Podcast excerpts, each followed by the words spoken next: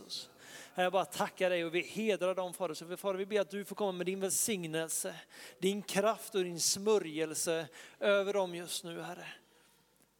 Fader, vi bara tackar dig för det du har förberett i dem och genom dem idag Herre. Så välsigna dem i Jesu namn. Amen.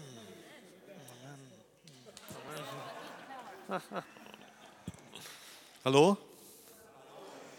Okay, so um, I'm going to start and then Becky. kommer att börja och sen kommer Becky att fortsätta senare. Um, if at any point Benjamin is not translating very well, just shout out. Om det är någonting som Benjamin översätter som inte riktigt stämmer så får ni bara ropa ut. Um, but he, he lived with us for a year in our house. Han bodde med oss för... Han bodde för... Med, han bodde med oss under ett år, So he understands our strange accents as well. So så han förstår vår konstiga accent. Um, it's really great to be here. We have been to, I have been to Sweden, I think 13 times. Det är väldigt roligt att vara här. Jag har varit här cirka 13 gånger, alltså i Sverige. Uh, but this is the first time I've ever been to a church in Gothenburg. Men det här är första gången som jag är i en kyrka i Göteborg. So now, yeah. So, Så nu känner jag att jag äntligen är här. And um, Becky and I lead a church together in London. Jag och Becky leder en kyrka tillsammans i London. And uh, I, I lead New Wine in England, Jag leder New Wine i England. uh, which is, a, as you probably know, New Wine is about uh, inviting the power of the Holy Spirit to renew our church. Och som ni säkert vet så handlar New Wine om att bjuda in den heliga Andes kraft för att förnya kyrkor. so that the church is able to, um, to go in mission to the world. Så att kyrkor kan gå i mission till resterande världen. So when Jesus sent the disciples, he said, As the Father has sent me, so I send you. Så när Jesus sände sina apostlar så sa han, som Fadern har sänt mig så sänder jag er. Receive the Holy Spirit. Ta emot den helige Ande. So the very first thing he says is, As you are sent, receive the Holy Spirit. Så det första han säger, så som ni har sänt, ta emot den helige Ande. Because we need the power of God to do the things of God. För vi behöver Guds kraft för att kunna göra Guds saker. And both Becky and I have um, experienced God's power, and it's helped us get to where we are.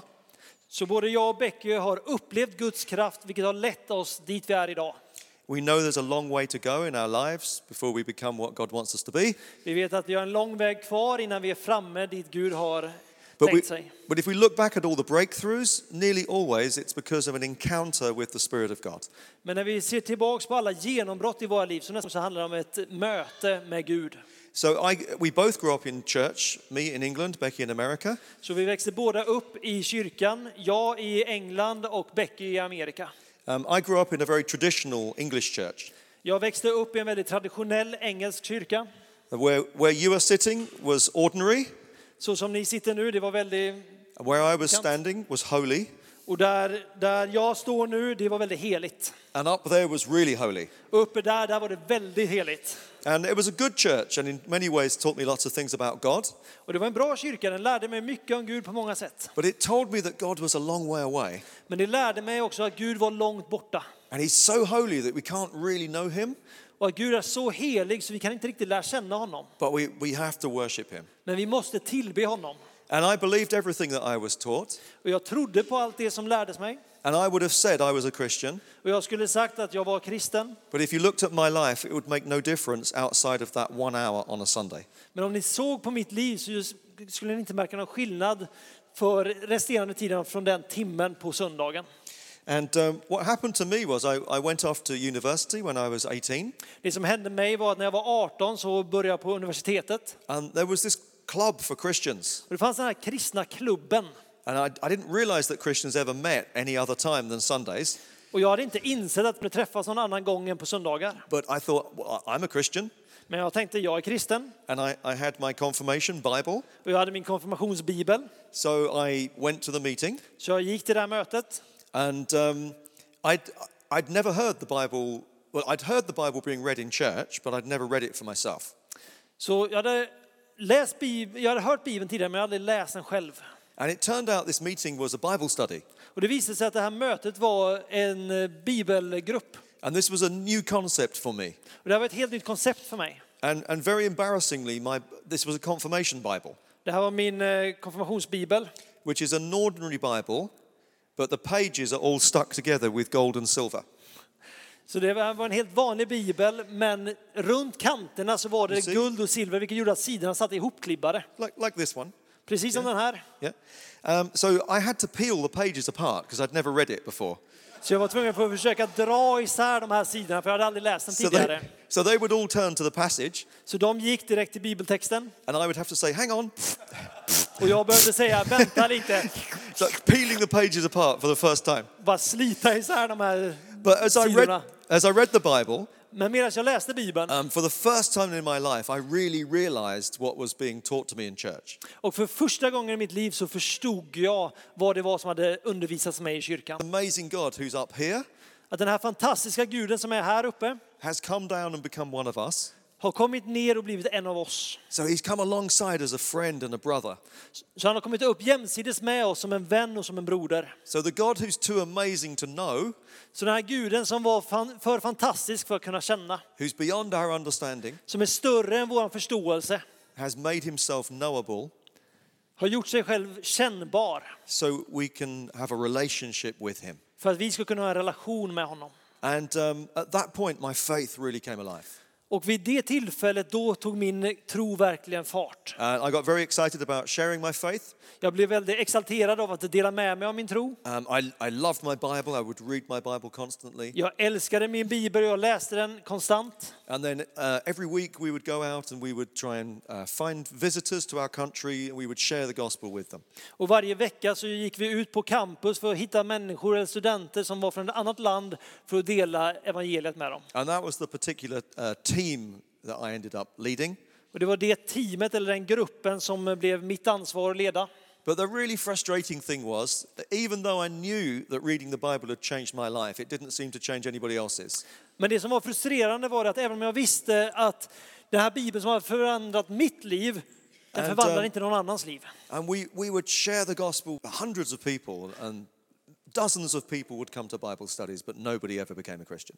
Och vi delade evangeliet med hundratals människor och flera dussin personer kom till de här bibelläsningsgrupperna men ingen tog emot Jesus. So, about a year and a half of this, I'm getting very frustrated.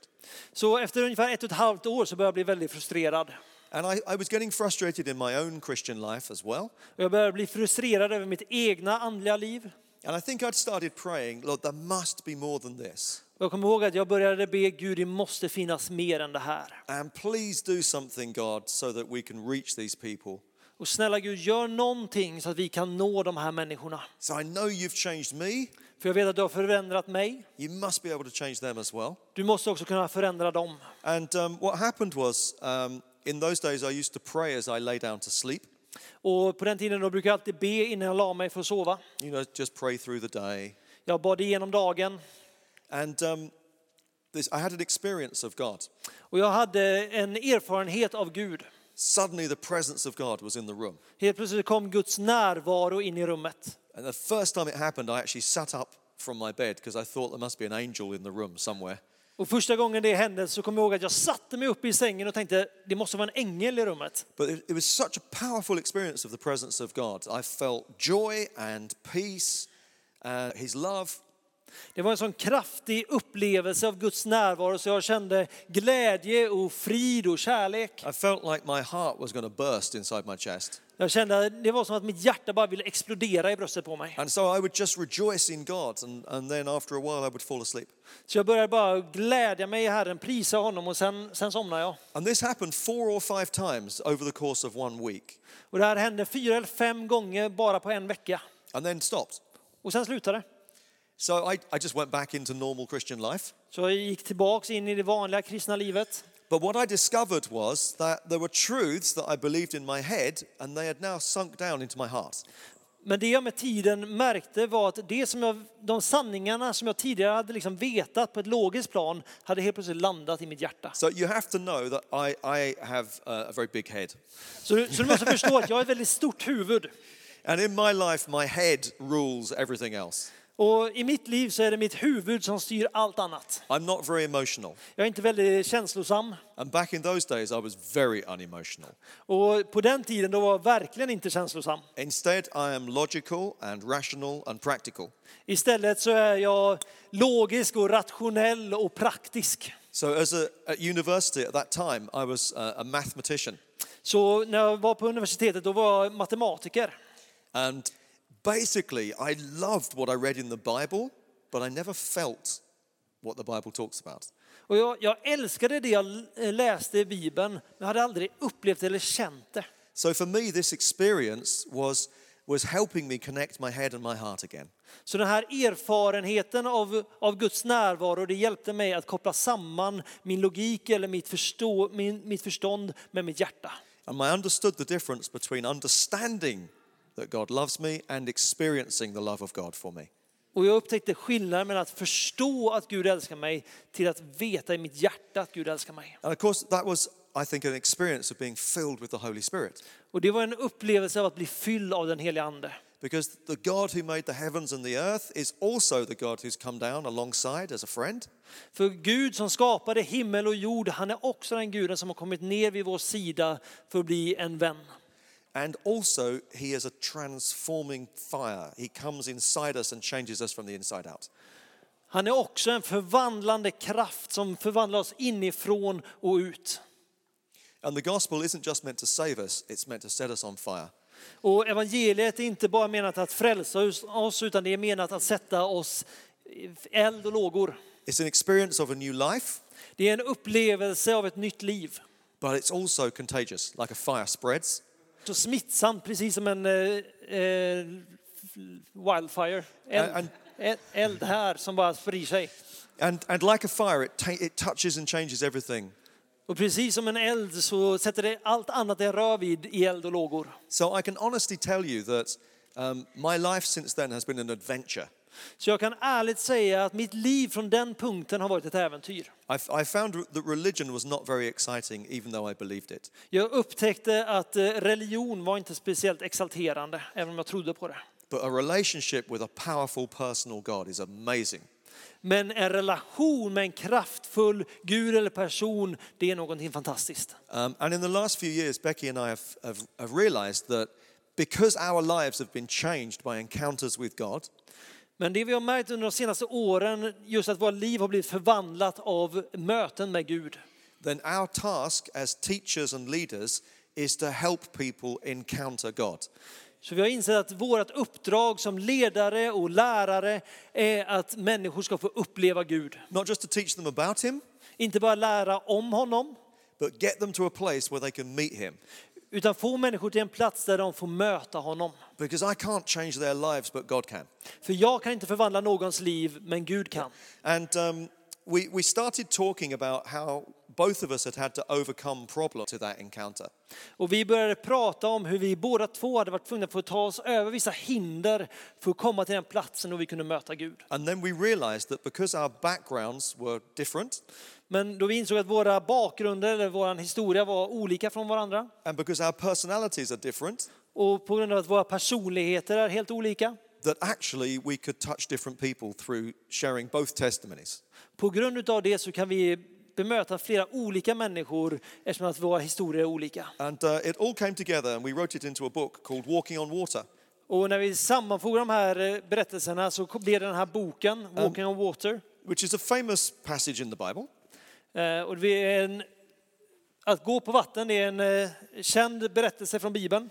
So, uh, what I wanted to do is just talk a little bit about the passage, Så det jag vill göra är att prata lite om den här bibeltexten and then we'll share a bit of our testimony of how that relates to us, och sen delar vi lite av vårt vittnesbörd och hur det här relaterar till oss. and then we'll, we'll pray together. Och sen ber vi tillsammans. Great. So, um, so in Matthew 14, Så i Matteus 14, um, this is a passage where in, in my Bible it says Jesus walks on the water.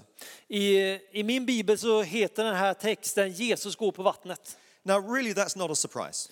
Det är inte så överraskande egentligen. I mean, Jesus does all sorts of amazing things. Jesus gör massa olika framgångar. What I love about this passage is that Peter walks on the water. Men det jag älskar med den här berättelsen det är att Petrus går på vatten. Därför han är en av oss. I mean, I, I know Jesus is one of us as well, Jag vet att Jesus också är en av oss, but he's perfect. Men han är perfekt. Peter is a man with all sorts of faults and failings. Men Petrus är precis som vi en man med brister och svårigheter. So we started looking at this passage, and um, just to tell you a little bit about it, it's a difficult time for Jesus. Så vi började kolla på den här texten och bara för att statea det liksom att det här var en svår tid för Jesus. At the start of the chapter, Jesus learns that John the Baptist has been killed.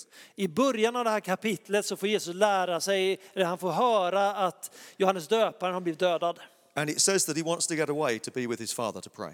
Och han säger det att han vill gå undan för att kunna be till Gud. So, with the disciples, they get in a boat and they cross to the other side. Så tillsammans med lärjungarna så åker de ut på havet. Uh, But when they get there, the crowd has discovered they were going there and they're already there.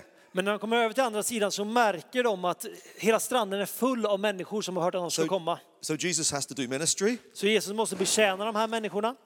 And then they find out that none of the crowd have got any food, so he has to feed them all with a miracle. Och sen märker han helt plötsligt att de här människorna har ingenting att äta så det blir hans uppdrag att mätta dem. And then finally, by this stage, Jesus can't even stand to have the disciples with him, so he puts them in a boat and sends. Så efter allt det här så är Jesus så trött så han skickar till och med iväg lärjungarna i förväg. And they, they are going across the lake. Och medan lärjungarna åker över vattnet, Now, this lake is the Sea of Galilee. det här är Galileiska sjön, It's the second lowest lake in the world, det är världens näst lägsta sjö. because the Dead Sea is the lowest. Döda havet är lägre under Um, vattenytan. Havs- it, so it's quite shallow. It's Det är quite- ganska grunt. Yeah. And um, there's a few strange things about it because the hot air comes up from the sea Det är några konstiga saker med den här sjön därför den varma luften kommer från havet and the cold air comes down from the mountains. och den kalla luften kommer ner från berget. And where hot air meets cold air, it's, you always get storms. Och där varm luft möter kall luft, där kommer det alltid bli en storm. So it's famous for storms. Så den här sjön är känd för sina stormar. And this is in the middle of the night, and the storm suddenly comes up, and the disciples know that they're in trouble. Så det här är mitt i natten och den här stormen kommer helt plötsligt från ingenstans och lärjungarna vet att oj, nu har vi problem.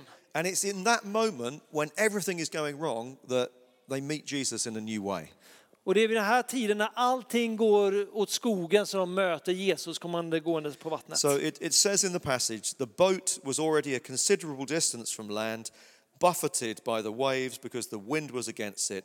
Shortly before dawn, Jesus went out to walking on the lake. Now, they'd never seen him do that before. Båten befann sig redan många stadier från land och var hårt ansatt av vågorna eftersom vinden låg emot. Vid fjärde nattväkten kom Jesus till dem gående på sjön. Det här hade de aldrig sett innan. Now, one of the things that Becky and I really feel that we have to teach is we have to prepare people for what happens when God moves in power. Så en sak som jag och Becky har insett är att vi måste förbereda människor för när de kommer till den platsen då de möter Guds kraft. Because we don't see much power in the church at the moment, but it's coming. För vi ser inte så mycket av Guds kraft i kyrkan vid den här tiden, men det kommer komma mer. I know it's coming because in history, the power of God has come and gone like waves. Jag vet att det kommer, för ser vi tillbaka genom historien så har Guds kraft kommit som vågor, kommit fram och tillbaks, fram och And in tillbaks. our part of the world, it's like the tide is out at the moment. Och i våran del av världen så är det som att tidvattnet har gått ut. We see some power, but many places see very little. Vi ser lite kraft, men på väldigt många platser så ser man det inte alls. So the Bible and history tell me that the waves are going to come back in again. Så både tiden och Bibeln talar om att Guds kraft kommer komma in på nytt. It's been a long time since we had a revival, but it's coming. Det var länge sedan vi hade väckelse, men det kommer. And what happens before a revival is people start to pray like they've never prayed before. Och det som händer kommer, det att människor börjar be som de aldrig har bett tidigare. And every week I hear about a new prayer revival, a new prayer celebration, a new prayer movement. Och varje vecka så hör jag talas om nya bönemöten, nya bönerörelser och olika träffar. The church is praying, Kyrkan har börjat be. and when the church prays, heaven answers. Och när kyrkan ber, då svarar himlen. So, but what happens when something new comes? Well, the first thing is the disciples are afraid. Så vad, vad händer då först? Jo, men det första är att lärjungarna blir rädda. Verse 26 When the disciples saw him walking on the lake, they were terrified. Vers 26.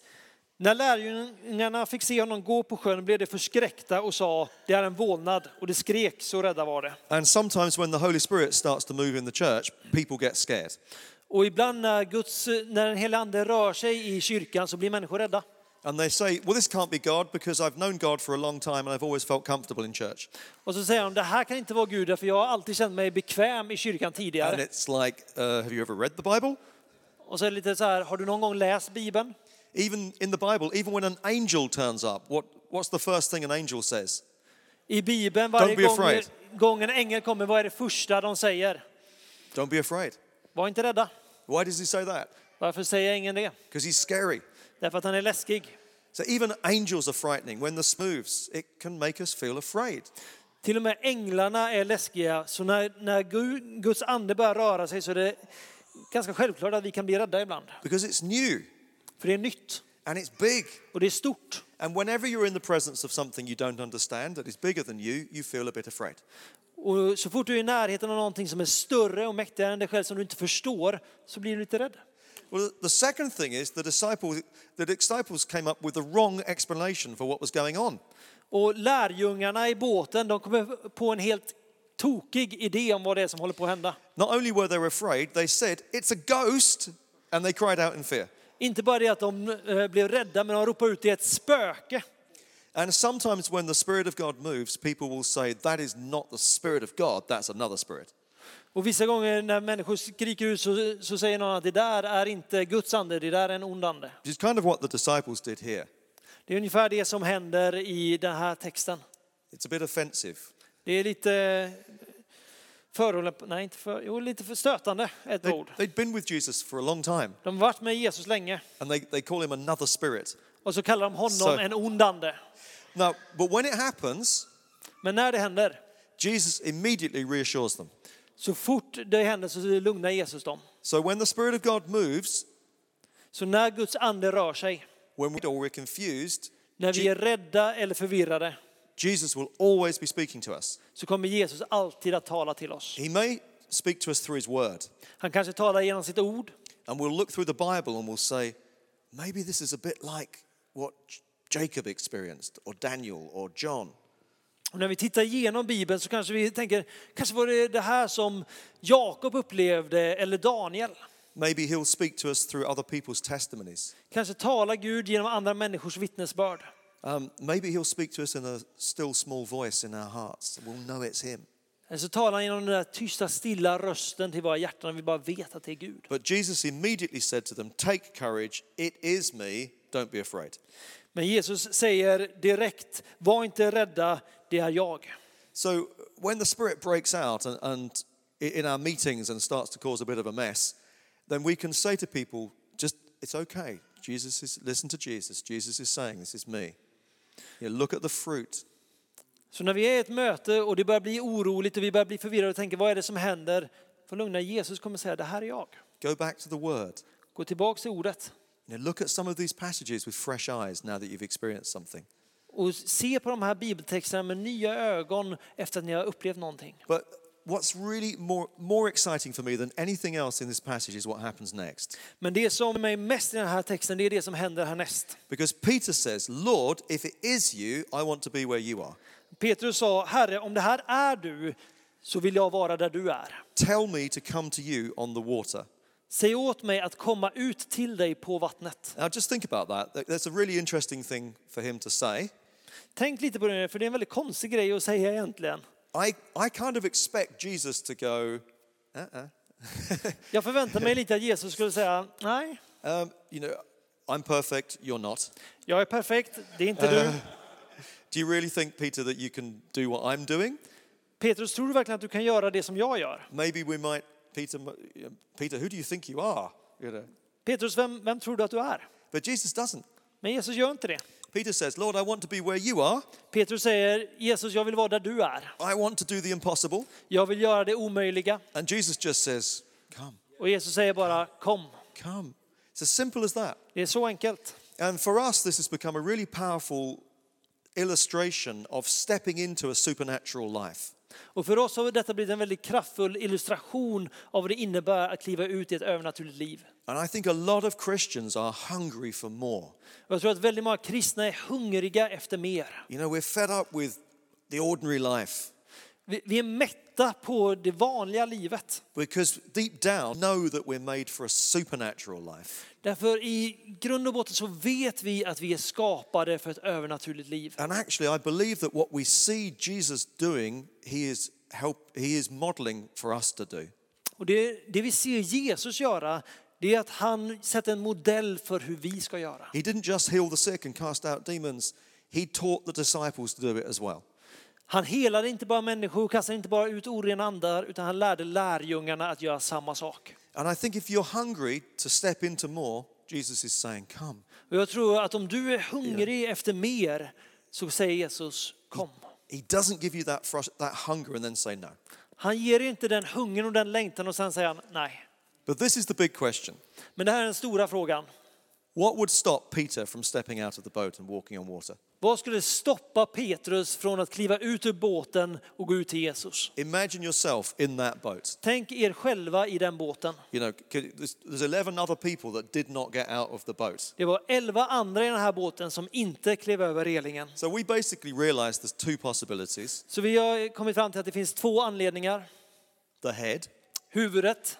I mean, I don't, how could I possibly walk on this water? Unless you can explain to me how this is possibly going to hold me up, there's no way. I don't understand how you're doing what you're doing, Jesus, so I'm not going to give it a go. Jag förstår inte riktigt hur det här fungerar. Förklara för mig hur det här fungerar så tänker inte jag försöka. Så Jesus, du får förklara för mig. And that is my testimony. Och det är mitt eh, vittnesbörd. So in my life, my head is stronger than my heart. Så i mitt liv så är mitt huvud, alltså min logik, eh, starkare än mitt hjärta. I'm, I'm a thinker more than a feeler. Jag tänker mer än jag känner. Becky's a feeler. She's, Becky är en kännare, känslosam person. for her, the heart rules the head. För henne så är det hjärtat som styr över huvudet. Doesn't mean she hasn't got a brain, Det betyder inte att hon inte har en hjärna. and it doesn't mean I haven't got a heart. Det It betyder inte att jag inte har ett hjärta. Det betyder bara att den ena delen är starkare än den andra. Um, sometimes people who've been hurt pull back and they don't take risks anymore. Och ibland finns det människor som har blivit sårade, som tar ett steg tillbaks och vågar inte testa längre. The, the tender-hearted people don't tend to jump into stuff. Folk med sårade hjärtan är inte så angelägna om att hoppa in i någonting nytt. So uh, we're, we're going to just share a little bit of testimony. I'll, I'll share a bit and then I'll hand over to Becky. Så vi ska bara dela våra vittnesbörd lite kort. Jag kommer börja och sen kommer jag ge plats för Becky. What really helped me was that I used to memorize scripture. Det som verkligen hjälpte mig var att jag brukade memorera bibeltexter. And one of the first verses I memorized came from the Proverbs in chapter 3. Och en av de första bibeltexterna som jag memorerade kommer från Ordspråksboken kapitel 3. "Tru- Trust in the Lord with all of your heart Och det står lita på Herren av hela ditt hjärta and do not lean on your own understanding. Och förlita dig inte på din egen förståelse. Well, I realized my entire life was about my understanding. Och jag insåg att hela mitt liv hade handlat om min förståelse. I wouldn't do anything unless I could understand it. Jag gjorde aldrig någonting som jag inte förstod. I'd even say things like, I can't get my head around that. Jag sa till exempel, ja, men jag får inte huvudet runt det där. We are never going to understand the supernatural. Vi kommer aldrig förstå det övernaturliga. They're miracles, they're beyond understanding. Mirakel, det är det som gör dem mirakel för de är över vår förståelse. And what, what the, the stepping stone for me to get beyond my limited, limiting myself by understanding was, Avsatsen som fick mig liksom att komma över min egen förståelse was the gift of speaking in tongues. var gåvan om att tala i tungor. Because it says when you speak in tongues, your mind is unfruitful. För det står det att när du talar i tungor så förstår inte ditt sinne.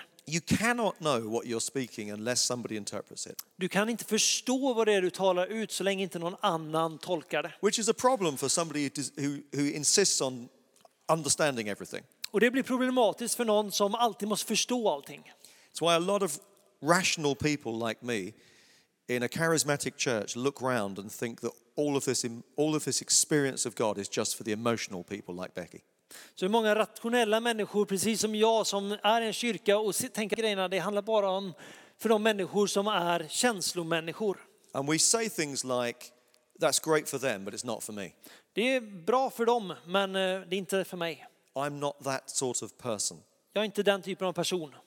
I think what God wants to do is he wants to overwhelm the rational scientists with power. Det jag tror att Gud vill göra, det är att han vill överväldiga de rationella tänkarna med Guds kraft. Even us thinkers, he wants us to know and experience his power. Även vi som tänker, vi som bygger på rationalitet, Gud vill överbevisa oss med sin kraft. So I, I had a friend who, who realized that I'd been filled with the Spirit and started to talk to me about did I know anything about charismatic ministry? Så jag hade en vän som insåg att jag hade blivit fylld med den helige ande. Så han började prata med mig och fråga mig om jag visste någonting om karismatisk betjäning. And I, I said, No. Och jag sa nej. Um, I have this experience, but I've never known what to do with it. Jag har haft den här erfarenheten men jag har ingen aning om vad jag ska göra med det. Um, when, when I had that experience of being filled with, with the Spirit in my bedroom, um, I tried to speak in tongues, but I thought it was just me. När jag hade den här erfarenheten och jag blev fylld med den ande så försökte jag prata i tungor men så tänkte jag att det här är nog bara jag. Det är nog mina egna ord som jag babblar på. And he said to me, Of course it was just you. Och han, han, min vän sa, det är klart att det bara var du. But it wasn't just you. Men det var inte bara du. He says in, in the Bible, whenever we do anything supernatural, there's our part and his part. Han säger utifrån Bibeln liksom att så fort vi gör någonting övernaturligt så är det våran del If you want to och see, Guds del. if you want to see people healed, you have to pray for them. Om du vill se någon bli helad så måste du be för dem. If you want to speak in tongues, you have to make sounds. Om du vill tala i tungor så måste du göra ljud. So you turn the tap on, make the noises, and the Spirit of God takes the sounds. Du måste öppna munnen, du måste vrida på kranen och göra ljuden och så kommer Gud och Now, that was, förvandlar a, det. that was a new thought for me. Det var en helt ny tanke för mig. So he said, okay, let's have a practice. Så han sa, låt oss testa det här. And um, we praised God in English. Och vi prisade Gud på engelska. And then he started to praise God in tongues. Och sen började han prisa Gud i And he, said, tungotal. and he said to me, You join in, Och han sa, nu hänger du på. and I'll pray the Spirit of God will take it and make it a language. Och jag ber att den helige ande får ta det här och göra det till ett språk. And, and I started trying to make some sound. Och jag började med att försöka göra några ljud. And it, it gradually got a little bit better. Och gradvis så blev det lite bättre. Uh, but I'm still thinking, I'm very aware of myself. Men jag sitter fortfarande där och tänker, jag är väldigt medveten om mig själv just nu. he said, That's it, just keep practicing. That's Och han it. sa, precis så, bara fortsätt, fortsätt. He said, You know, when children learn how to speak in a language, they don't start with full sentences, they just start with a few sounds. Ni vet när ett barn börjar prata ett nytt språk så är det inte bara så att de talar fulla meningar utan de börjar med ett ljud. Now, the next day he went to, he, he said he was going to go speak to a meeting of about this many people. Så han sa att eh, imorgon så kommer jag tala på ett möte som är ungefär så här stort med så här många människor som det är här. And he wanted me to come with him to pray for people. Och han ville att jag skulle följa med för att be för människor. So I said, Yeah, great. So Yeah. he, Jag sa kanon. Yeah. So um, he spoke, and at the end of the meeting, he put some music on, Så han, han pratade och vid slutet av mötet så satte han på musik. and he told everybody to stand up. Och han sa till alla att ställa sig upp. And he said, I'm, I'm going to ask the Holy Spirit to come, and then Paul and I are going to come around and pray for you all. Och det jag ska göra nu är att jag ska eh, be den heliga ande att komma och sen kommer jag och Paul och gå runt och be för er. Um, but what, what happened was, he said, he'd said to me beforehand, just go wherever you see the Holy Spirit moving. Och det han hade sagt till mig innan var att gå bara dit du ser att Gud rör på sig. Uh, problem, I have no idea what that looks like. Det problematiska Så- var att jag har ingen aning om hur det ser ut. So, so very quickly, he started praying for somebody, Så väldigt snabbt så började han gå runt och be för någon. and then he's praying for somebody else with another hand. Och sen ber han för någon annan med en annan hand. And they'd run out of hands, he's praying for somebody with a foot.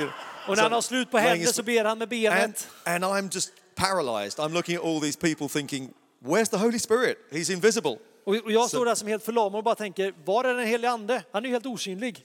So after a while, my friend starts doing this.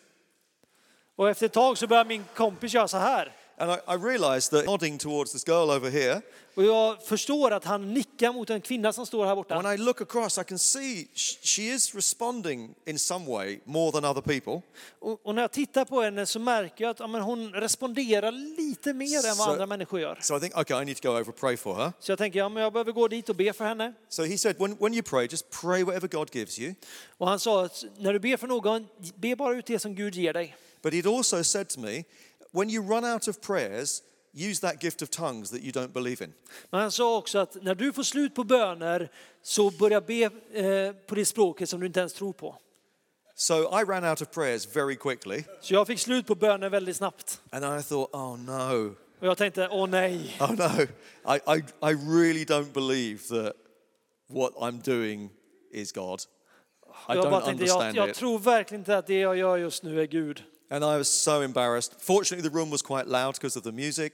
Och jag skämdes så mycket, men som tur var så var hela rummet fyllt av musik. Nobody could hear me. I couldn't even really hear myself. Ingen kunde höra mig, jag kunde knappt höra mig But I, själv. I, I kind of went "Oh, like this.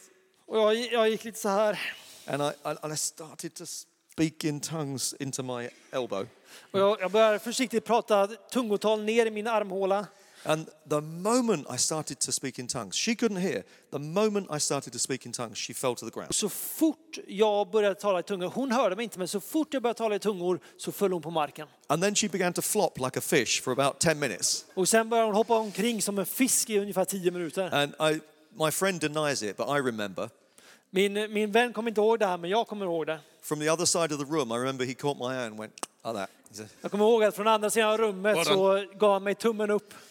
Um, so I, I prayed with this girl. And after about 10 minutes, she sat up and she said, Oh, it was amazing, amazing. Så jag bad med den här kvinnan och efter ungefär tio minuter så satte hon sig upp och sa att wow, det var fantastiskt. And she said, Oh, when you were praying for me, I had a memory of how my father taught me to swim. Medan du bad för mig så fick jag plötsligt ett minne av hur min pappa lärde mig att simma. And he taught me to swim by taking me to the pool and throwing me into the deep end. Och han hade tagit med mig och slängt i mig i den djupa de- delen på- And when I nearly drowned, he would pull me out and say, We'll try again in a few more minutes. Och när jag höll på att drunkna då drog han upp mig och så sa han, vi Så testar you- det här om ett par minuter igen. So you can imagine she'd had a terrible relationship with her father. Så som ni kanske förstår så hade hon haft en jättedålig relation med sin pappa. And she'd just become a Christian a few months before. Hon hade precis blivit kristen bara ett par månader tidigare. And surprise, surprise, she was finding it really difficult to trust her heavenly father. Och surprise, surprise, eh, det- hon har jättesvårt, vi, we say My, that my way as Swedish is getting better, you know. So, Hon, hon hade jättelita på Gud. jag talar svenska. Um, so, uh, yeah, I, I'm basically, she said, when you prayed for me, I went back into that memory, but this time Jesus was in the water and he was holding me up. Medan du bad för mig så gick jag tillbaks till det där minnet, men den här gången så höll Jesus upp mig. And he was like, it's like he was saying, This is what God is like. Det var som att han sa, det är så här Gud är. So it was a really healing experience for her. Så det var verkligen ett inre helande för henne. And she ran off to um, tell her father. Så hon eh, sprang till sin pappa And I saw her a year later, and she'd had a, a, her relationship with God was so much better. och jag träffade henne ungefär ett år senare och hennes relation till Gud var helt förvandlat. But it was also really powerful for me Men det var också väldigt kraftfullt för mig. because I, I trusted God. För jag litade på Gud. I did something I could not understand, Jag gjorde någonting som jag inte kunde förstå and He used it in a way that I could never have done. och han använde det på ett sätt som jag aldrig själv hade kunnat And göra. that really released me to start being bold, to give people prophecies, uh, to pray for healing miracles, and all, just all sorts of ways of moving in supernatural things that I couldn't understand. Och det förlöste verkligen mig ut i tron så att jag började be för människor till helande. Jag började våga ge profetiska tilltal. And um, it also helps me keep going through hard things that I don't understand as well. Och det hjälper mig också då när jag är i jobbiga situationer. står. So Becky and I um, get invited to all sorts of places to teach about the ministry of the Spirit, and we often end up teaching about the healing of the sick. Så väldigt ofta så åker jag och Becky runt för att prata om, om det här med Guds kraft och väldigt ofta då så får vi be om helande. And uh, we do that because we've seen so many people healed over the years. Och vi gör det här för vi har sett så många människor bli helade över åren. But we also have two children who are on the autistic spectrum. Men vi har också två barn som är på den autistiska spektrat. We, we have a son who is 20, but he is still, he doesn't speak, he needs to be shaved, um, he needs to be washed, he still hasn't learned how to use the toilet properly. Vi har en son som är 20 år men han har fortfarande inte lärt sig att prata. Han måste ha hjälp att raka sig, han behöver ha hjälp att gå på toaletten och klä på sig. And if I demand, God, I'm not going to do this until you explain to me why some people get healed and some people don't, Men om jag kräver från Gud att Gud jag tänker inte göra det här förrän du förklarar för mig varför vissa blir helade och inte andra. I'm never to do it, am I? Så kommer jag aldrig att göra det. We're never to get those answers like that. Vi kommer aldrig få de svaren på det sättet. Now I'm to hand over to Becky Nu kommer jag lämna över till Becky. because it's not just a, that's just not just a head issue, it's also a heart issue as well, det, isn't är, it? det är inte bara ett huvudproblem utan det är också ett hjärteproblem. Hello. Um, so I'm going to share a bit of my story now Så nu ska jag dela en liten del av min berättelse. about how God has helped me with my heart. I, do have a brain, I promise. So. Jag har en hjärna, jag lovar, men jag ska berätta om hur Gud har hjälpt mig med mitt hjärteproblem. But it's true, I'm a very feeling person. Jag är en väldigt känslosam person. We can be watching a film together, Vi kanske kollar på en film tillsammans and it's very sad, and of course I'm crying. och den är väldigt sorgsam så därför gråter jag. And Paul will look at me and go, what, What's wrong? What, what's happened? I'm like. The film is sad. Och Paul tittar på mig och tänker, "Va- vad, vad händer? Har det hänt någonting? Och jag tänker, nej men filmen är ju sorgsen. And he goes, Oh, yeah, I guess it is. Och då säger han, ja jo men det, det är den kanske ja. so we're quite different in that way. Så vi är ganska olika på det sättet. Um, but as Paul said, I also grew up going to church. Som Paul sa så växte även jag upp genom att gå i kyrkan. I was, uh, my parents were Southern Baptist in the middle of America. Mina föräldrar var sydbaptister i centrala Amerika. So my experience of church was quite different from Paul's. Så min erfarenhet av kyrkan är väldigt olik Pauls. Um, I was taught to read my Bible as soon as I could read, Jag fick lära mig att eh, läsa Bibeln så fort jag lärde mig att läsa.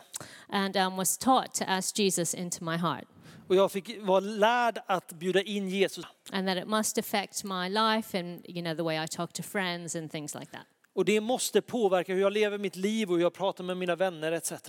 So about the age of four, I asked Jesus to live in my heart, and He's been there ever since. Och vid fyra års ålder så bjöd jag in Jesus i mitt hjärta och han har varit där sedan dess. And I'm very grateful for that. Och det är jag väldigt tacksam för. Um, and grateful that I have that foundation in my life. Jag är väldigt tacksam för att jag har den grunden i mitt liv. But my family also had a lot of sadness. Eh, Men min familj har också haft väldigt mycket sorg. I had a brother who died before I was born. Jag hade en bror som dog innan jag föddes. Um, I, when, I, have an older sister who is surviving. Jag har en äldre syster som har överlevt. Then was my brother who died at 18 months. Sen var det min eh, äldre bror som dog vid 18 månaders ålder. And then my mother had a stillbirth at it- about 20 weeks. Och sen eh, hade min eh, eh, mamma ett foster som dog i magen efter ungefär 20 veckor. And then she had me. Och sen föddes jag. And then I had a sister who was born when I was two. Och sen hade jag en syster som föddes när jag var två år gammal. At six months old, she um, had meningitis. Och när jag var eh, två år gammal så, så fick hon eh, hjärnhinneinflammation. And she survived but was left um, severely brain damaged. Och, men hon överlevde men hon var kraftigt hjärn... And she could do nothing for herself except swallow. Hon kunde inte göra någonting själv förutom att svälja. And she survived for about three years and then her heart stopped and she died. Hon överlevde ungefär tre år innan hennes hjärta stannade och hon dog. And then my parents tried again and they had my sister Beth who was born when, um, when I was seven. Och mina föräldrar de försökte igen och eh, min, eh, mina föräldrar fick en dotter som hette Beth när jag var ungefär sju år gammal. And she um, had epilepsy. Och hon hade epilepsi. So she um, had a lot of seizures as a baby and um, was on medication, and um, that took a, a long time to settle down. Och hon hade mycket anfall redan som spädbarn som fick tunga mediciner. Det tog lång tid innan det här lugnade sig. But it, um, about, by the age of five, she was going to a special school and was sort of stable. Och, men ungefär runt fem års ålder då var hon ganska stabil men hon gick ändå till en specialskola. And um, one night I was left to look after her while my parents went out to visit another family from church. En kväll så satt jag barnvakt för min syster medan mina föräldrar var ute hos några vänner från kyrkan. And I was 13 then. Jag var 13 år gammal då. And this was quite normal. My parents had just gone for about an hour. Det var ganska vanligt, mina föräldrar var bara borta någon timme. Um, and my sister Beth was having a bath, taking a bath. Och min syster Beth hon eh, tog ett bad. And um, she called to me and said, Becky, I want to get out now. Um, so I needed to go help her get out and get changed and things. Och hon ropade på mig från badet och sa att Becky du måste hjälpa mig upp för jag vill gå upp nu. Um, but I said, No, I'll be there. Yeah, I'll be there in a minute. I'm just playing the piano. I want to finish what I'm doing. Men, men jag svarade att jag vill eh, bara göra klart det jag håller på med för jag sitter och spelar piano så jag vill bara spela klart innan jag kommer. Um, but unfortunately, in the time that took, she'd had a seizure. Men under den tiden så fick min syster ett anfall. So when I went to get her out, I found her floating in the bathtub. Så när jag gick för att hjälpa henne upp ur badet så hittade jag henne flytandes i badkaret. So I panicked, had to pull her out, call the emergency services, Så jag fick panik och jag fick hjälpa henne upp ur badkaret jag fick ringa larmcentralen. and I was just praying, please let her be alive, please let her be alive. Och jag bara bad och bad, snälla låt henne vara i liv. Um, and they came and took her, and she, she went to hospital and was on a ventilator for three days, but then died. Så, så ambulansen kom och de tog henne till sjukhuset. Hon fick andas genom en tub men efter tre dagar så dog hon. So for my parents, this is the third child they've lost. Så för mina föräldrar så var det här tredje barnet som dog. And you can imagine for me as a 13 year old, um, knowing she'd called me and I hadn't gone, how terrible I felt. Och tänk er, i- er in i mina skor liksom, som 13-åring och veta att ropade från badkaret att jag vill ha hjälp. Men jag svarar inte på det. So um, the way that I coped with that experience Så för att liksom klara av den här erfarenheten um, was just to completely detach myself from it. var att bara liksom helt frånkoppla mig själv från den verkligheten. So we, my, all the family came and we had the funeral and um, things like that. But I was in a daze. Så, så vi hade en begravning, hela familjen, släkten kom dit, men jag var bara som en enda dimma. And nobody really asked me very many questions. They didn't really say what happened. I think they didn't want to make me feel bad. Det var inte riktigt någon som ställde några frågor till mig och frågade vad var det som hände. Jag tror att det var för att de inte ville att jag skulle må sämre. But that was fine with me because I didn't want to talk about it. Men det var helt okej för mig, för jag ville inte prata om det. Um, I felt so guilty and so ashamed. Jag kände mig så skyldig och så skamsen. So, as I say, we, we had the funeral, and then I just went back to school and carried on with life like nothing happened. Så vi hade begravningen och sen gick jag tillbaka till skolan och levde mitt liv som om ingenting hade hänt. And my parents just got on. My parents were grieving, obviously, um, the third child I'd lost, so a lot of sadness, but we just got on with life. Mina föräldrar sörjde verkligen eftersom det var tredje barnet de hade förlorat. Men, men även vi liksom körde på som att ingenting hade hänt. Vi fortsatte med livet. And my faith was still strong. It didn't rock my faith at all. Um, it was more that I thought God must also be a bit, um, well, upset with me. Min tro var fortfarande stark men jag hade ändå någon underliggande tanke av att men Gud är nog besviken på mig. And so I carried on through my teenage years, just going to school, having friends, um, all like a normal teenager. Jag fortsatte genom ungdomsåren med att gå till skola och bara fortsätta leva mitt liv som vilken tonåring som helst. Um, but of course, what had happened had deeply affected me inside. Men det som hade hänt det hade verkligen sårat mig på djupet. And so I just had to live in denial. Så jag levde helt enkelt i förnekelse. And I often say to people now, it's like I buried something alive. Och jag brukar säga till människor att det var ungefär som att jag hade begravt någonting levandes. And I see this in many, many people. Jag ser det här hos väldigt många människor.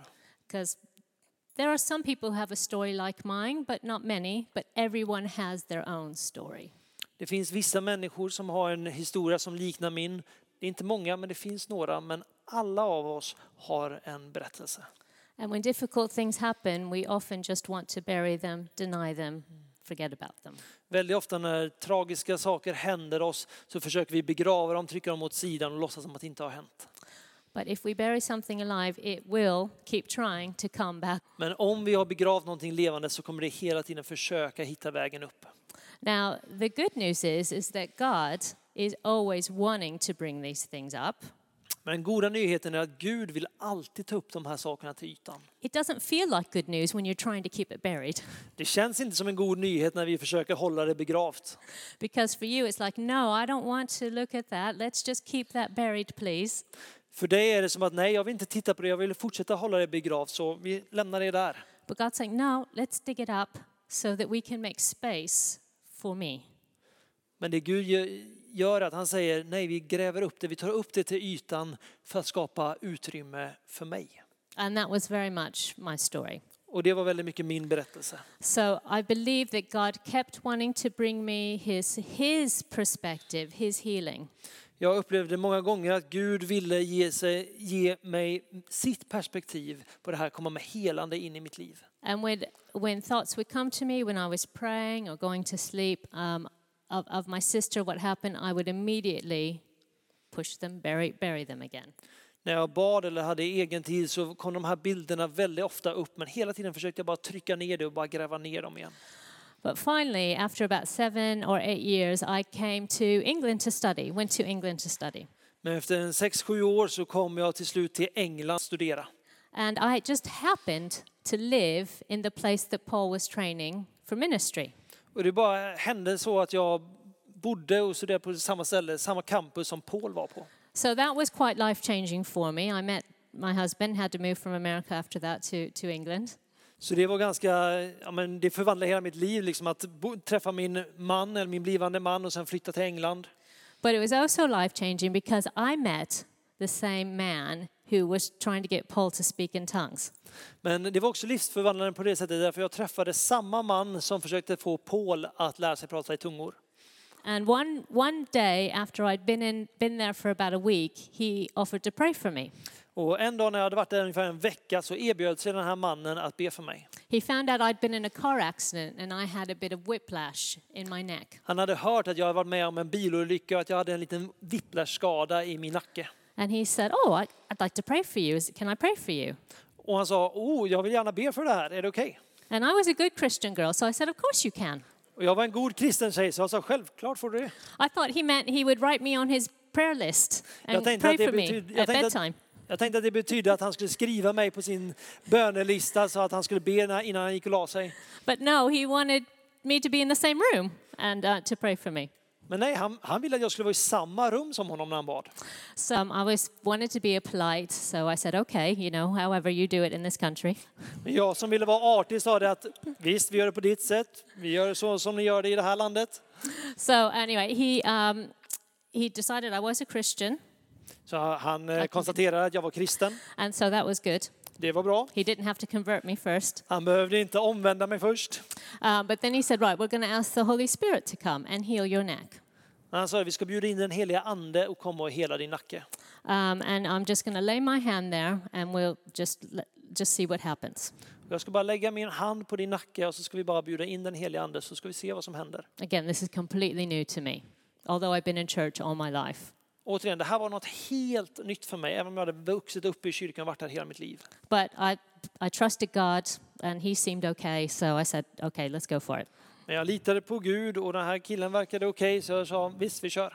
So that's what we did. He um, asked the Holy Spirit to come, um, prayed He'd heal my neck, and we just waited. Så det var vad vi gjorde. Han la handen på min nacke och bad att den heliga ande skulle komma och så bara vi väntade. And my neck got really hot, Och min nacke blev alldeles varm. and I'd never experienced anything like that before. Jag har aldrig upplevt någonting som det innan. And he said, "Well, okay, let's keep let's keep going." Så han sa okej, vi fortsätter. And it was then in that sort of space that a story of my sister came up. Och, och det var då som på nytt det här minnet av min syster kom upp. And for the first time, I didn't try to push it back down. Och för första gången så försökte jag inte trycka ner det igen. And when I think about it now, I'm not even sure why. Och när jag tänker tillbaks på det nu så kommer jag inte ens på varför. I can only think it was the um, peace that was around me and the security I felt because the Spirit was very present. Det enda jag kan tänka mig är att det var för att jag kände sån frid därför att den här närvaron var runt mig. And so I let the, I let the memory of my sister come up and I started to cry. Så jag lät det här minnet av min syster komma upp och jag började gråta. Um, and this was the first time in seven years. Och det här var första gången på sju år. And so he said, Oh, what's, what's happening now? Och han frågade, oj, vad, vad är det som händer nu?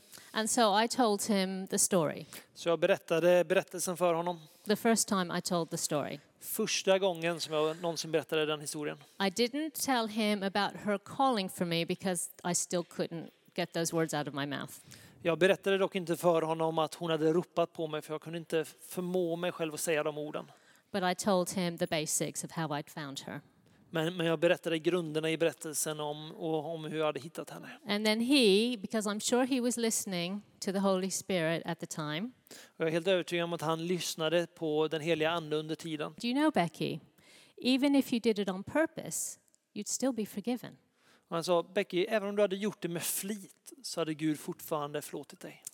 And for me, that was like, oh, wow, you're För, right. för mig var det, wow, du, du har helt rätt. Because I believe that anyone, if they repent, if they're sorry, even if they're a murderer, if they're sorry, God will forgive them. För jag trodde på att om någon omvänder sig, ber om förlåtelse, även om de är en mördare, så skulle Gud förlåta dem. So, how much more me when it was just a tragic accident? Så hur mycket mer inte då jag, då det faktiskt var en tragisk händelse, en olycka. And sometimes people say, I can't believe that's what he said to you. Och många gånger möter jag människor som säger, jag kan inte tro att han sa det till dig. Yeah, isn't that a bit harsh, a bit a horrible thing to say when you've just heard someone's story? Är inte det lite hårt att säga så till någon när du precis har hört deras berättelse? But it was exactly what I needed to hear Men det var precis det jag behövde höra. because it was the guilt För det var skulden that had kept me imprisoned. som hade hållit mig fängslad under så lång tid. So, you know, you never know when you pray for someone in the power of the Spirit what you're unlocking, the freedom that you're bringing, can be bringing. Så du vet aldrig när du ber för någon i kraft av den helige vad det är du sätter fri, vilka bojor det är som bryts. Because he offered to pray for my neck, but God had another agenda for me. För han erbjöd sig att be för min nacke, för skadan jag hade, men Gud hade en helt annan plan för mig. I sometimes say the Holy Spirit had to take me to England to ambush me. Jag brukar säga att eh, den helige Ande var tvungen att få ta mig till England för att ligga i bakhåll för mig där. Um, and then that was a huge, um, a huge healing, the beginning of a healing experience for me. Det var, en, det var början på en, ett stort helande i mitt liv. I was 21 then. Jag var 21 år gammal då. I'm 51 now. Jag är 51 år gammal nu. So it has been a 30 year journey of healing and restoration for me. Så det har varit en 30-årig resa av helande och upprättelse för mig. To begin with, God healed me and brought me peace. He redeemed, he redeemed the situation for me. Så först började Gud med mig genom att fylla mig med frid och börja den här återupprättelsen. And what I realized for myself is when we keep things hidden, when we keep them buried, we can't look at them with any sort of perspective. Men det, det jag lärt mig är att medan vi håller saker och ting gömda så kommer vi aldrig kunna se på dem med ett nytt perspektiv. I still was dealing with it, even as a 20 year old, like I was 13. Även när jag var som 20, en 20-åring så behandlade situationen eller känslorna som om jag fortfarande var 13. But as soon as I brought it to the light and started talking about it, I see it from a different perspective. Men så fort jag förde fram det i ljuset och började prata om det så kunde jag se det från ett nytt perspektiv. And I think, oh, I was, I was only 13. Och så tänkte jag, jag var bara 13 år gammal. And you know, accidents do happen. Och jag tänkte att olyckor, det händer faktiskt. And I could look at it and think about it in a way I would if it had happened to somebody else and not me. Och jag kunde börja tänka och processa det här på ett sätt som om det här hade hänt någon annan. So, to begin with, God really did a big work in me, healing my heart, um, helping me to find peace, um, to get rid of the guilt and the shame. Så det Gud gjorde var att han började med mig, med att börja sätta mig fri från den här skulden och den här skammen. But I also knew that through this process, God was calling me out to, um, to help others. Men jag visste också att genom den här processen så kallade Gud mig ut till andra, för att hjälpa andra. And so that is part of my stepping out. That's part of my responding to Jesus saying, Come. Så det här är en del av mitt sätt att kliva ut ur båten när Jesus säger kom. And there was no way I could come when I was living with so much guilt and shame. Det fanns inte en möjlighet att jag skulle kunna gå Jesus till mötes när jag levde med så mycket skuld och skam. Because when we're living, even if we don't realize it, when we're living with guilt and shame, it holds us back, it makes us hide. För även om vi inte förstår det, men, men när vi lever med skuld och skam håller vi oss gömda. And in order to be able to respond to Jesus' invitation to come, we need to let Him really bring His healing um, to all the wounded places. Men för att vi verkligen ska kunna kliva ut i den här friheten och möta Jesus så måste vi även släppa fram de här grejerna i våra liv. And that is a daily thing for all of us, however far along we are. Och det här är en daglig övning för var och en av oss, hur långt vi än har kommit. But as I've gone on with God and letting Him heal me and letting Him um, restore me, Men under den här resan när jag har gått med Gud och låtit honom möta mig och hela mig och upprätta mig. instead of my story controlling me, I now control my story. Så istället för att den här historien, min berättelse har fått kontrollera mig så kan jag nu kontrollera min berättelse. Where in the past, if I even began to talk about, oh, my family had a bit of sadness, I would start to feel panicky.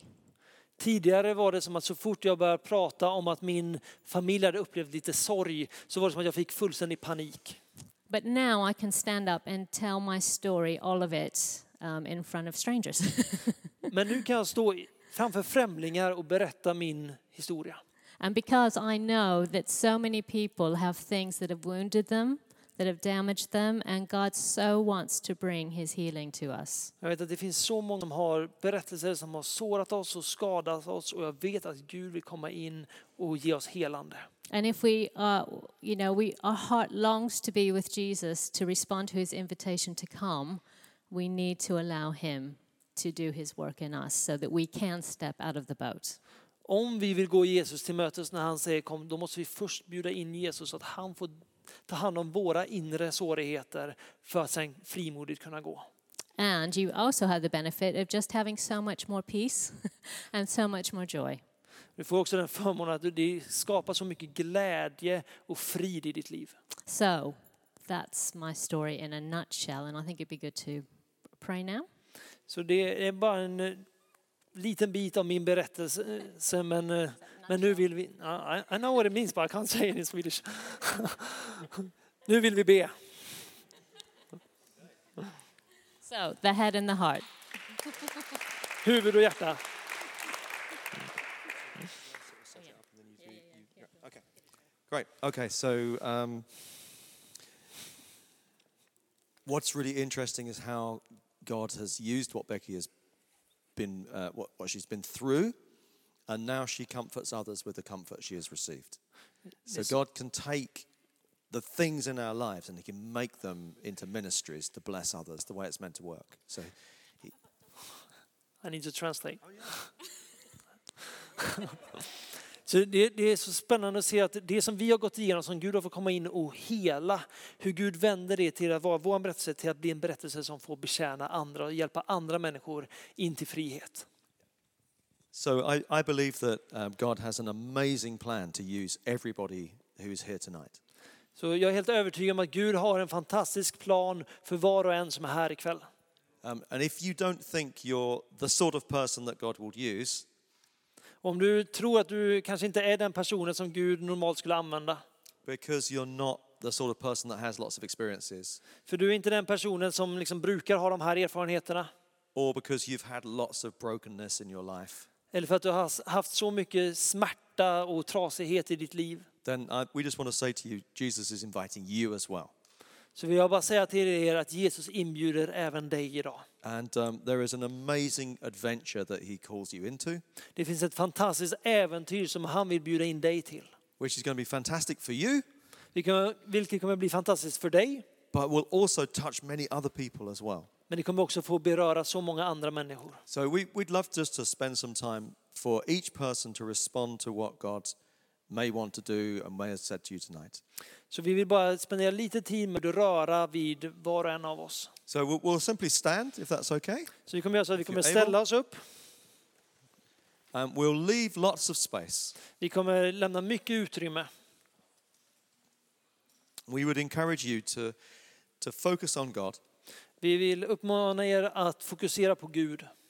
We often say, close your eyes, Vi brukar säga blunda. maybe just open your hands. Kanske bara öppna era händer. Yeah, there's a, a posture of receiving, Det är en position för att ta emot. of being open. Att bara öppna sig, vara öppen. And we'll just ask Him to come. Och vi bara ber den helige Ande att komma. He's always present, Han är alltid här. But sometimes His presence is more, fa- more powerfully felt. Men vissa gånger så upplevs hans kraft på ett mycket mer påtagligt sätt. So, Lord, we thank you for your love. Så Herre, vi tackar dig för din kärlek. Now, come, Holy Spirit. Kom helige Ande. We open our lives. We ask you, Lord, come now with whatever we need at this moment. Vi ber helande att du får komma med precis det vi behöver just nu.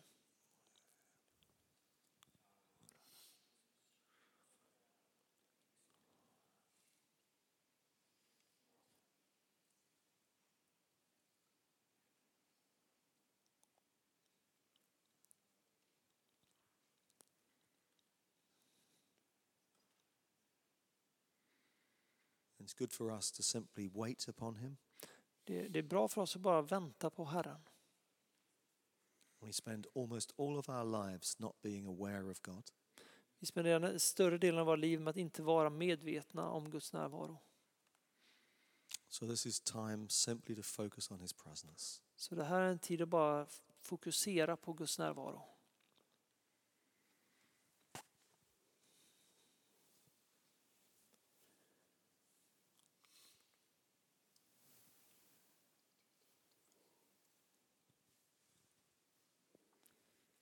So we're going to um, do, do a little bit of ministry to head and then to heart. Så vi kommer börja med att betjäna människor med huvudproblem och sen människor med hjärteproblem. Okay, now all of us need both. Alla av oss behöver båda delarna.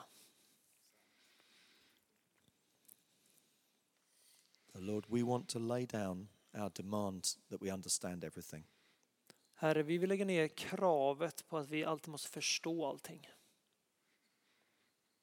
We all have many questions, Vi har alla frågor. and we want to say, Lord, we don't need the answers. Och vi säger här att vi behöver inte alla svar. We just trust you, Vi bara litar på dig.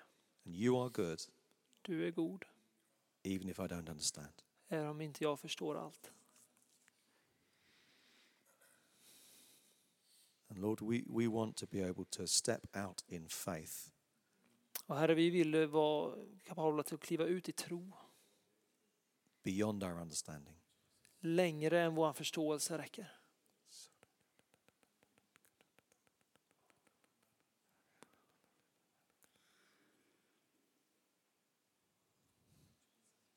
Let's keep letting the Spirit do whatever He wants to do in your heart.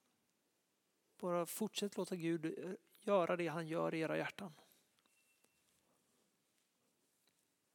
Now, as the presence of God comes, sometimes we begin to experience His presence. Vissa gånger när, när den helige Ande kommer så är det som att vi börjar förnimma eller känna Guds närvaro. Sometimes it's, it's, it's powerful, Vissa gånger är det kraftfullt. and people even shake. Så kraftfullt att ibland vissa människor till och med skakar. Sometimes it's, it's like the weight of His glory, His presence. Ibland är det som tyngden av hans härlighet. It may just be simply the, the peace and love that flows over us. Ibland är det bara den här friden och Guds kärlek som får flöda över oss. So if you sense you know, something going on, just say thank you, Lord, more. Så om du bara upplever någonting just nu, säg bara Gud, tack, jag vill ha mer.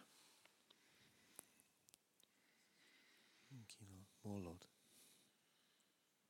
More.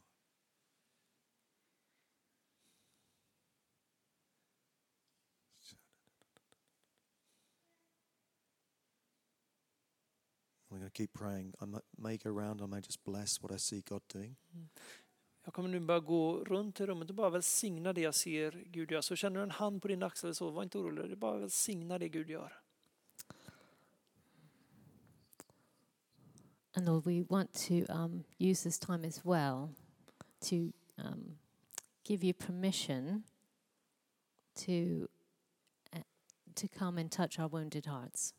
Herre, Vi vill också bara ge dig tillfälle och utrymme för att också komma och röra vid våra hjärtan. Thank you, Lord, that your goodness, your kindness pursues us. Tack Herre för att din godhet och din kärlek jagar efter oss. And sometimes we feel sadness of God, but that is actually His kindness trying to help us process and release it. Vissa gånger kan vi känna oss ledsna eller sorgsna i Guds närvaro men, men det är någonting gott i är Gud som vill komma och ge oss helande i våra hjärtan.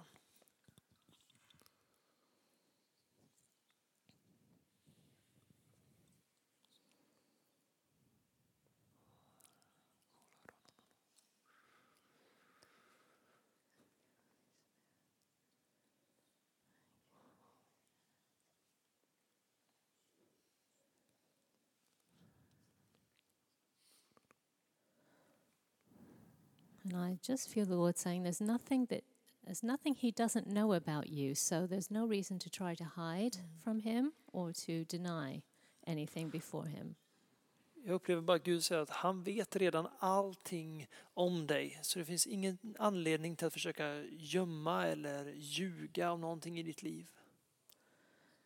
He sees it all and he loves you so much. Han ser allt du har varit med om. He Men han doesn't älskar dig ändå. he never he will never reject you. Han kommer aldrig avvisa dig. There's nothing you can do to make him reject you or turn away from you. Det finns ingenting du kan göra som kan få honom att avvisa dig eller säga nej till dig. So we may turn our backs on him, but he never turns his back on us. Så vi vänder kanske Gud ryggen, men Gud kommer aldrig vända oss ryggen. And sometimes we turn our back because we feel shame. Och ibland vänder vi Gud ryggen därför att vi skäms. We're scared to be known. Vi är rädda för att vara fullt genom kända. But I just, it's a sense I have the Lord is just trying to gently turn someone, maybe more than one person, around and saying, Look at me, it's okay. Jag tror bara det finns vissa här inne som Gud försöker säga till, vänd dig om. Du behöver inte skämmas, vänd dig om. You think you're going to see a face of disapproval, Du tror att du kommer möta ett ansikte som, eh, som inte känner med dig, som inte tycker om dig. or uh, actually disappointment. Eller besvikelse. But it's the opposite. You're going to turn and see a face full of love for you. Men det är motsatsen, du kommer se ett ansikte som är fullt utav kärlek mot dig. and arms open wide. Och armar som är öppna.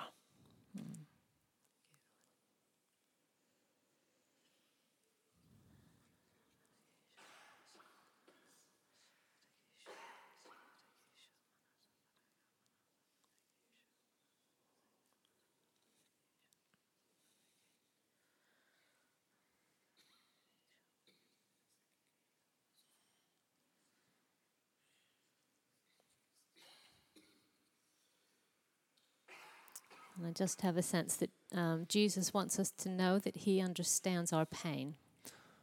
Jag känner också bara Gud vill säga att han, han förstår våran smärta.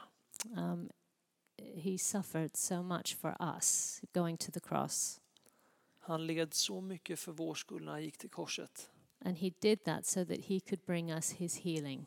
Han gjorde det för att han skulle kunna komma med helande till var och en av oss. He defeated death for us. Han besegrade döden för oss.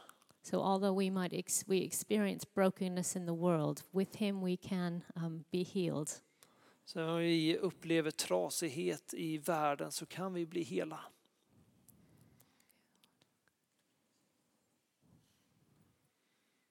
And although we may still have the scars, we do He will bring His healing. Så även om vi har ärren där så vill han komma med sitt helande. Like He still has the scars in His hands. Precis som att han fortfarande har ärren i sina händer. And it shows what we've been through, our scars. Och ärr visar vad vi har gått igenom.